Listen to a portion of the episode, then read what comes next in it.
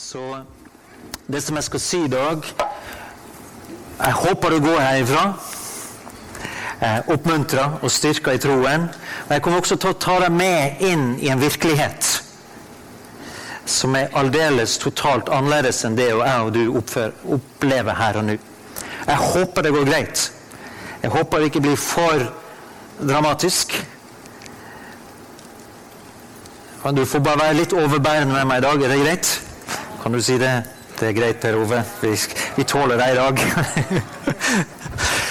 Fordi at uh, det ligger meg noe veldig uh, sterkt på hjertet. Og dette har veldig stor betydning også for det som, det som vi kjenner har med den tida vi lever i å gjøre. Det har også med jødene, det har med Israel å gjøre. Det har med endetidens hendelser å gjøre. Og jeg og du, du som er ung, du som er eldre, vi trenger å være rusta i hjerte og sinn i denne tid, sånn at vi kan agere og handle, og ikke bli lamma av forskrekkelse og frykt, men vi reagerer med kjærlighet, vi reagerer med aksjon, vi reagerer med handling, og vi skjønner tidene vi lever i. Og på en måte gripe fatt i, i Jesus Kristus, troens Herre, opphavsmann, han som er alfa og omega, han som begynte, han som fyller alt imellom, han som er nå, og han som kommer igjen. Halleluja. Og det er veldig bra å være på det laget som du vet kommer til å vinne. Men det kan være veldig dramatisk midt i kampen. Det kan være veldig tøft, det kan være veldig smertefullt, det kan være risikabelt. Det kan være eh, ta, ta hele deg, ta hele livet ditt. Men der er vi som tror når vi er kalt til å leve i denne tiden her. Du lever denne tiden her for en hensikt. Ikke bare for at eh, noen fant på det, men da tror jeg også at Gud har rusta deg for den tida som vi lever i. Eh, skal, eh, først skal vi lese noen skriftsteder sammen. Jeg tenkte vi kunne begynne med Kanskje vi kan begynne med apostelgjerningene kapittel 17, vers 26 og 27. Og vi kommer til å jeg kommer til å lede oss inn, og så skal vi be sammen på, på slutten for noen konkrete ting. Av ett menneske har han skapt alle folkeslag. Han lot dem bo over hele jorden, og han satte faste tider for dem og bestemte grensene for deres områder. Dette gjorde han for at de skulle søke ham. Om de kanskje kunne lete seg fram og finne ham han er jo ikke langt borte fra en eneste av oss. Her snakker Paulus om folkeslagene som skulle om mulig søke Gud. Og Gud har satt tider og sesonger i historien der Gud har dratt opp grensene for land og nasjoner for en hensikt. For om mulig at de skal søke Han. Og så kommer det tider og sesonger i historien hvor disse grensene begynner å endre seg. Hvor det oppstår kriser, katastrofer. Men Gud kan bruke alle sånne situasjoner til å få folkeslag til å søke Han. Og en sånn tid lever vi i nå. Uh, Daniels bok, kapittel 2 vers 20 og 22. Han tok til orde. Velsignet er Guds navn fra evighet til evighet, for visdommen og styrken er hans. Han åpenbarer det dype og det skjulte. Han vet hva som er i mørket, og hos ham har lyset sin bolig. Han lar år og tider skifte, avsetter konger og innsetter konger. Han gir de vise visdom og de forstandige forstand. Og Vår bønn i dag er at vi skal ha forstand. Vi skal ha visdom, vi skal ha forstand, vi skal skjønne i hvert fall litt av de tidene som vi lever i. Og så tenkte jeg også vi kunne ta med bare som innledningsvis Hebrevbrevet, Hebreerbrevet kapittel 11, vers 33 og 34. Ved tro, og dette, dette kapitlet handler om trosheltene gjennom Skriftene i Gamle testamentet. Helt fram til Kristus. Og da står det at ved tro, ved tro på Gud, vant de over kongeriker. De holdt retten oppe fikk løfta oppfylt, lukka gapet på løver, slukka voldsom ild, slapp unna bitende sverd, gikk fra svakhet til styrke, ble sterke i krig og slo fiendtlige hærer på flukt. Så vi har en tradisjon, kjære venner. Vi har troshelter gjennom hele menneskets historie som har trodd på Javé, den levende, sanne Guds, og som har ved hans hjelp og ved tro på han og hans løfter bekjempa ondskapens åndehærer og vendt mørke og djevelskap til en mulighet til lys. En sånn tid lever vi i i dag også. Skal vi gå til Matteus kapittel 24?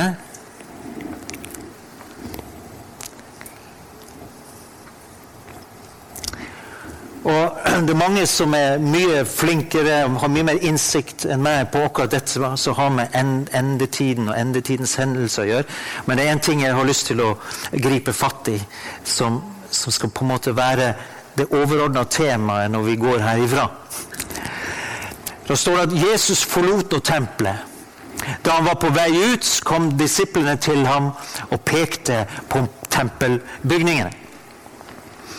Men han sa, 'Ja, ser dere alt dette?' Og du skal huske på tempelbygget, Når de så tempelbygget da, Det var et gedigent byggverk. Det var noe av det største og mest eksklusive og fantastiske menneskene hadde laga på den tiden. Herodes den store hadde utvida det andre tempelet til jødene i Jerusalem. Og til og med enkelte steder var muren helt opp, opp under, og høyden på tempelet var opp under eh, 46 meter. Og det var fantastiske gedigne marmorsteiner. Så når sola skinte, så glinsa det grønt. Det glinsa i sølv- og grønnfarge når de så på tempelet fra litt avstand. Og så sa Jesus, sannelig jeg sier dere, her skal det ikke bli stein tilbake på stein. Alt skal rives ned. De satt oppe på Oljeberget. Neste vers. Da han satt på Oljeberget, og disiplene var alene med ham og de som har vært i Israel, Når du sitter oppe på Oljeberget, så ser du ned på tempelplassen. Det som på en måte var platået for, eh, for tempelet den gangen. Og muren på, høy, på østsiden var litt lavere. Så når man satt på Oljeberget og så ned på tempelet også den gangen, så man, kunne man liksom se inn og disiplene var alene med ham, og, eh, kom de og spurte Si oss, når skal dette skje? Altså, når skal tempelet bli revet ned? Det er det ene spørsmålet. Og så spør de Og hva er tegnet på ditt komme? Hvordan vet vi, Jesus, når du kommer tilbake igjen?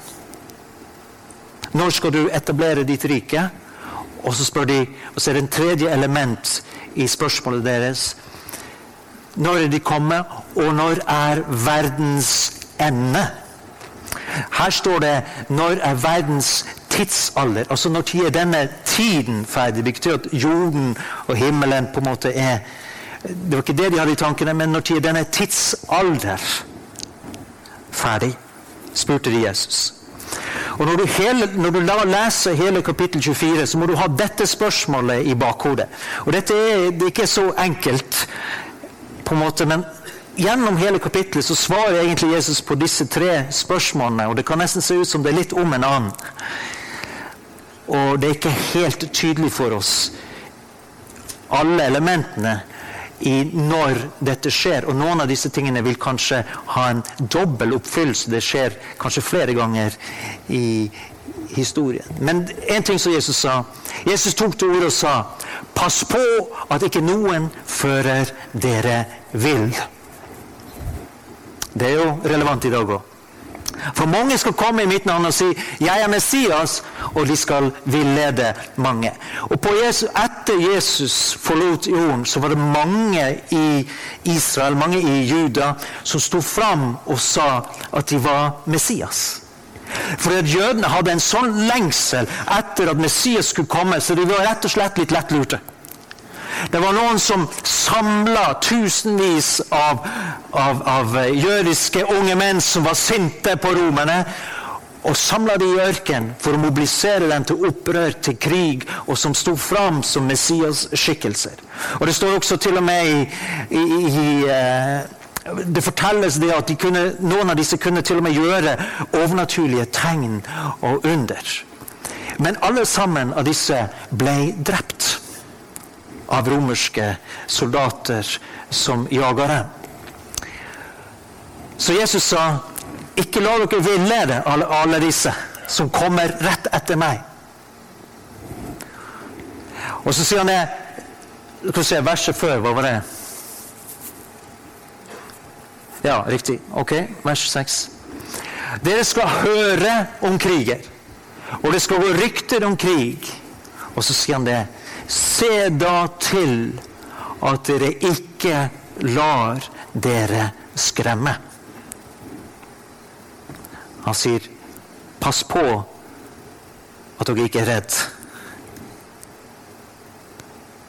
Jesus visste at frykt en lammer lamme oss, lamme troen, så vi ikke kan handle og agere som vi skal. For dette må skje men ennå er enden ikke kommet. Folk skal reise seg mot folk, og rike mot rike. Og det skal være hungersnød og jordskjelv mange steder. Og etter, Jesus, altså etter Jesus sin død og oppstandelse, og i den, de ti årene som kom etter det, så var det veldig mange jordskjelv, bl.a. I, i, i dagens Tyrkia. Flere steder var det store jordskjelv. Eh, I apostelgjerningene 21 så profeteres det om en hungersnød som skulle komme over verden. Under keiser Claudius, tror jeg det var. I hvert fall så kom den hungersnøden. Alt dette som, som ble profetert av de første kristne, skjedde i deres samtid. Så alt det Jesus sa, gikk i oppfyllelse i de ti årene som kom etter at han forlot jorda. Ja. Men, sier Jesus, men alt dette er bare begynnelsen på fødselsriene. Det er bare starten, du som har gitt fødsel. Kvinnene er så født, mødrene. Du vet hvordan det, det starter. Å trekke seg sammen. Og så øker det, og så øker smerten.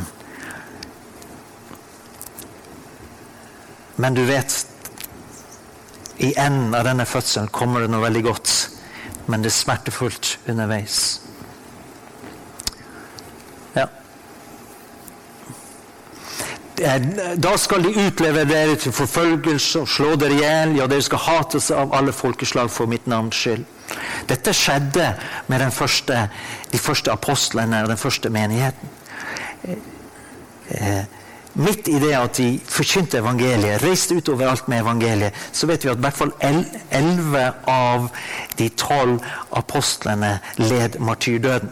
Johannes, eh, Disippelen Johannes levde på en måte ut hele sitt livsløp. Men alt dette her gikk i oppfyllelse.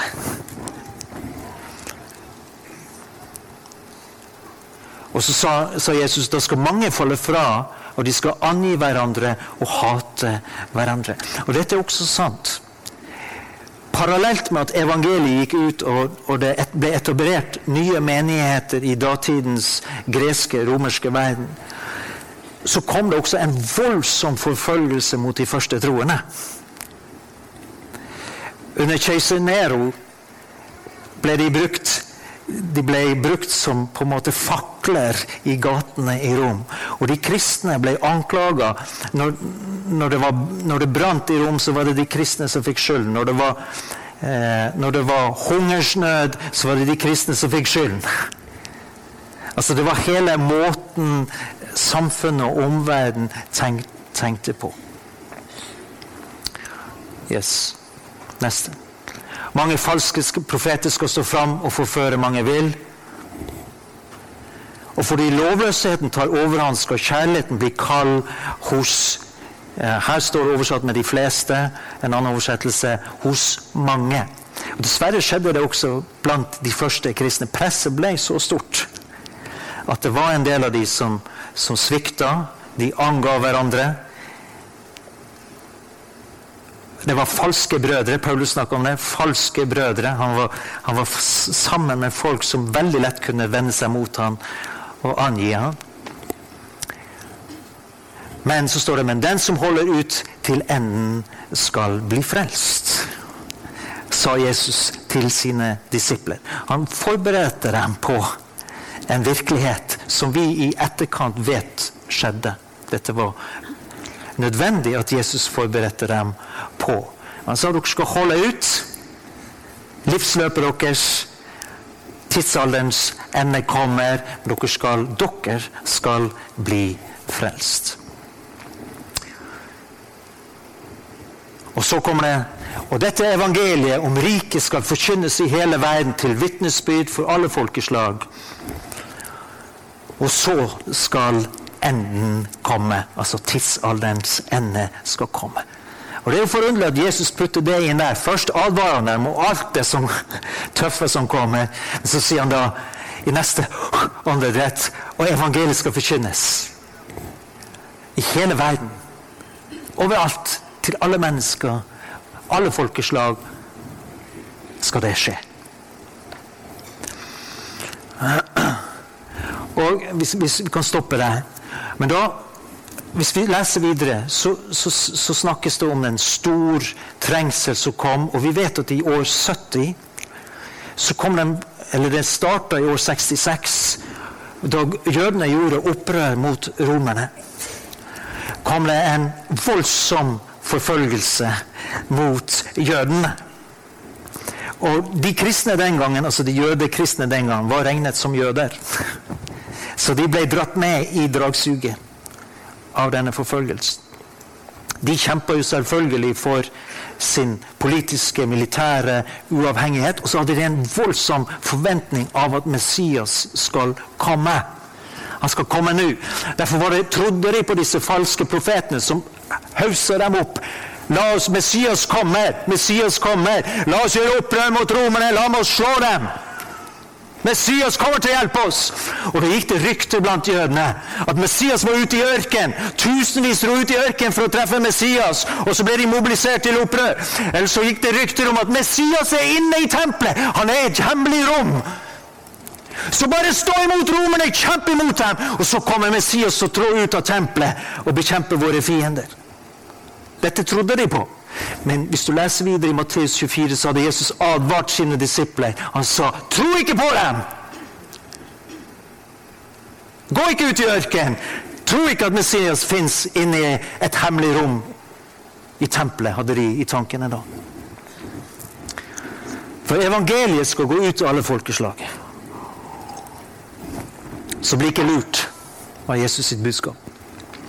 Og Da kan vi lese også om at de fikk beskjed om når dere ser styggedommen, når dere ser hærene omringe Jerusalem, så skal dere flykte ut av byen, sa han til sine disipler.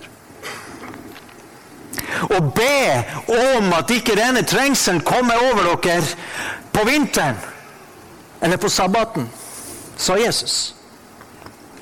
Og det som er, vi kjenner fra historien, det er at så noen må ha bedt, bedt den bønnen som Jesus bare man må be.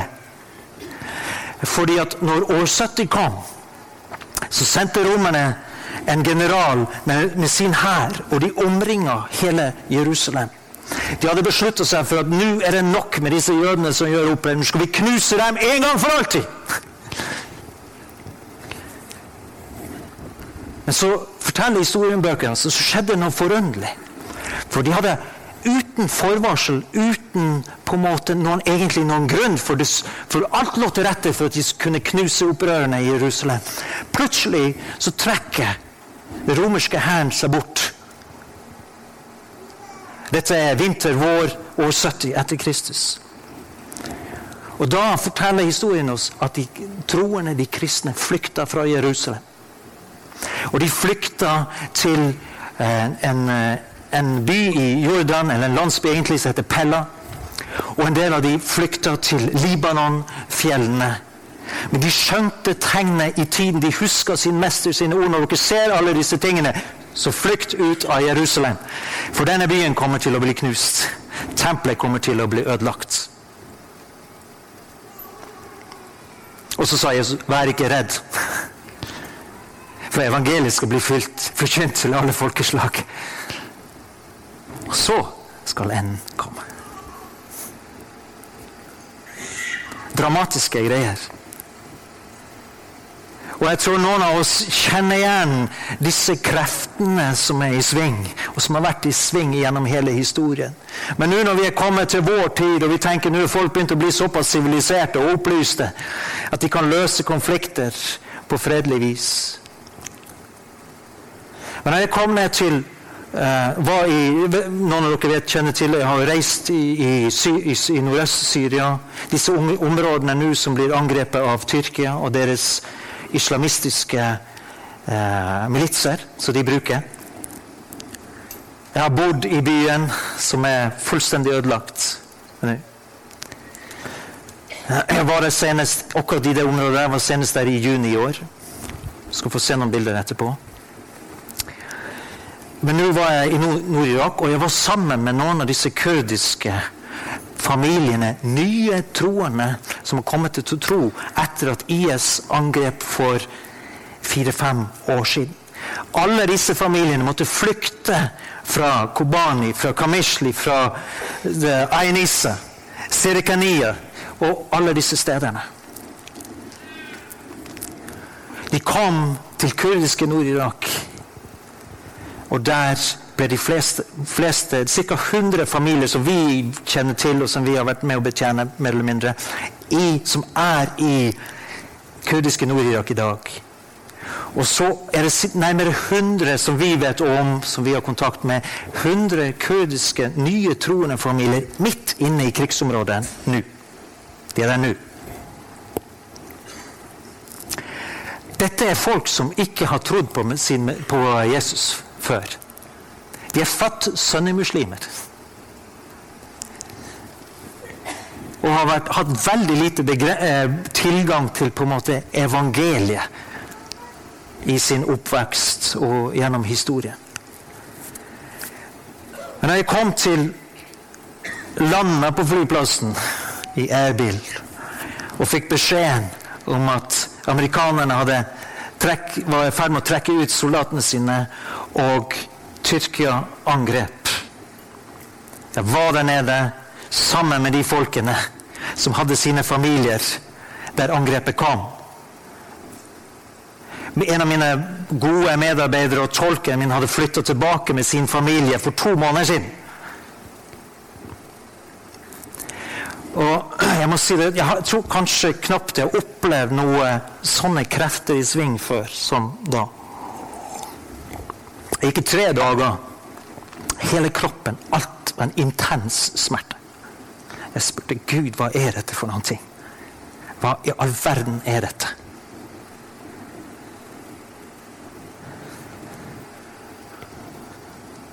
Jeg måtte bare be og be og be. og be og be. Det var helt utholdelig, nesten.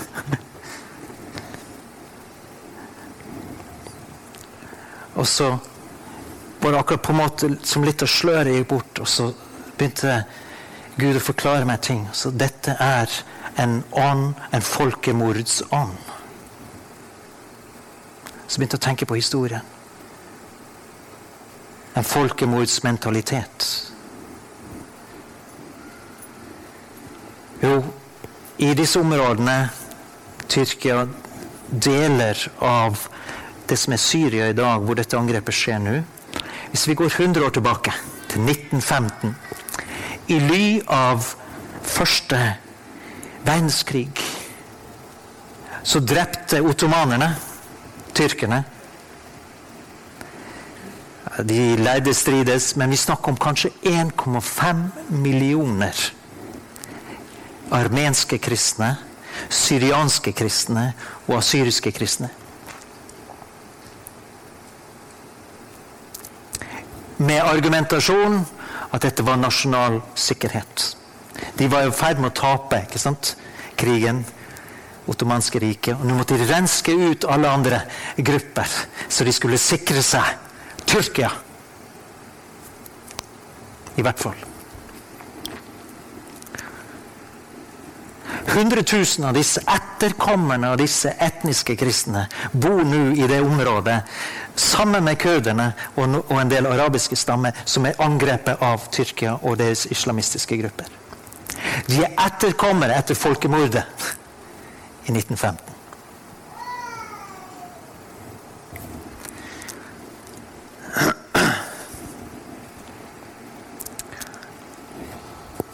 Hvis vi, går, hvis vi husker i 1988 også da var ikke på en måte media så veldig på som de er i dag. Så ble 180 000 kødere massakrert i Nord-Irak av Saddam Husseins militære. Uten at noen kunne gripe inn eller hadde makt den gangen til å stoppe det. For fire-fem år siden var det et forsøk på et nytt eh, gedigent folkemord, hvor IS angrep jesidiene, som er eh, av mange de er regna for å være kurdere. Heldigvis var det noen som Kurderne sjøl hadde våpen til å, sammen med hjelp fra koalisjonen, til å stoppe dem på et visst tidspunkt. Men vi snakker om en 5000-6000 som ble massakrert fordi at de tilhører en bestemt etnisk gruppe. Et blindt hat mot en gruppe mennesker som rett og slett bare har en annen etnisitet og en annen tro. Og vi vet at de kristne som bodde i Mosul og Nineve-områdene, de ble drevet fra sine hjem, og noen av de ble også eh, drept.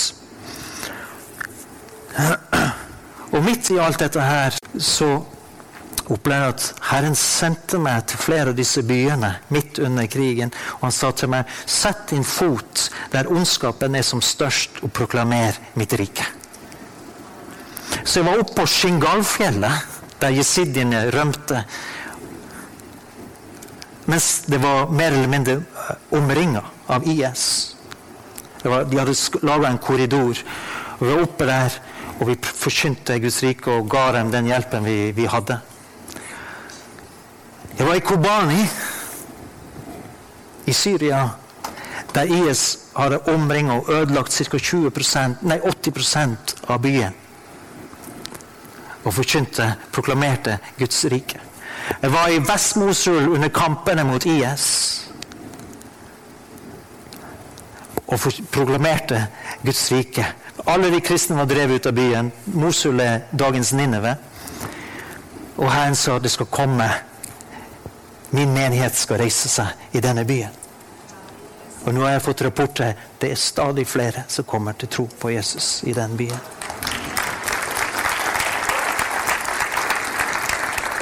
Og han sendte oss til Raqqa i Syria, hoved, IS hovedstaden, hvor de planla all sine grusomheter. Og du skal få se en liten video eh, derifra. Eh, dette er Videoen er ca. 1 12 år gammel. Men det er disse menneskene som nå eh, blir angrepet. Jeg skal forklare litt hvorfor dette har betydning for oss og for jødene, for Israel. Det er hvorfor vi må være våkne på det som skjer. Eh, kanskje vi skal må jeg bare tenke meg litt om her. Hvordan gjør vi dette? uh,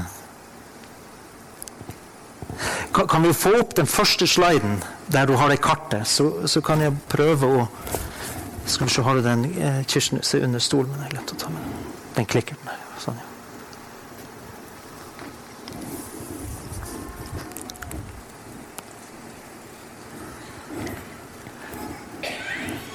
Her er et kart over dagens Syria. Skal vi se En rød jeg visste ikke så godt. Det gule partiet her er nå kontrollert av SDF. Det er kurdere, etniske kristne og noen araberstammer. Her er det området som tyrkerne og islamistene har gått inn fra Tyrkia. Her er kurdiske Nord-Irak. Det røde er Assad-regimet kontrollerer. Det grønne er islamistiske opprørsgrupper som kontrollerer. Raqqa ligger eh, der. Israel ligger her nede.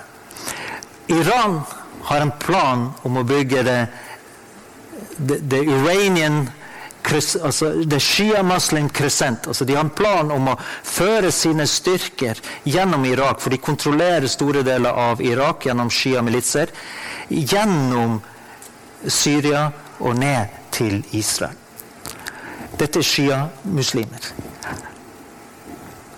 Her og her mobiliseres det sunni-muslimer som er jihadister.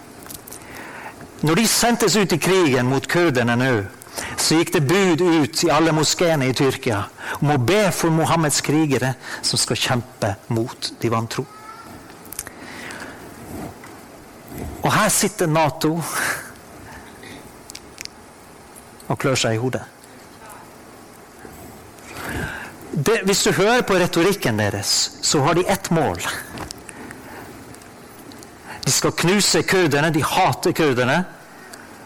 Selv om de er de også i utgangspunktet sunni-muslimer. Vet du hvorfor de hater kurderne? Det er nesten uforståelig. Men det er fordi at kurderne i generelt sett, ikke alle, men generelt sett, er veldig vennligsinna overfor israelerne, for jødene. Det går jo ikke i hop. Men de elsker jødene. Eh, I Israel i dag fins det regner man med ca. 200 000 det man kaller kurdiske jøder. De ble drevet ut av Nord-Irak i 1950-51 etter opprettelsen av staten Israel.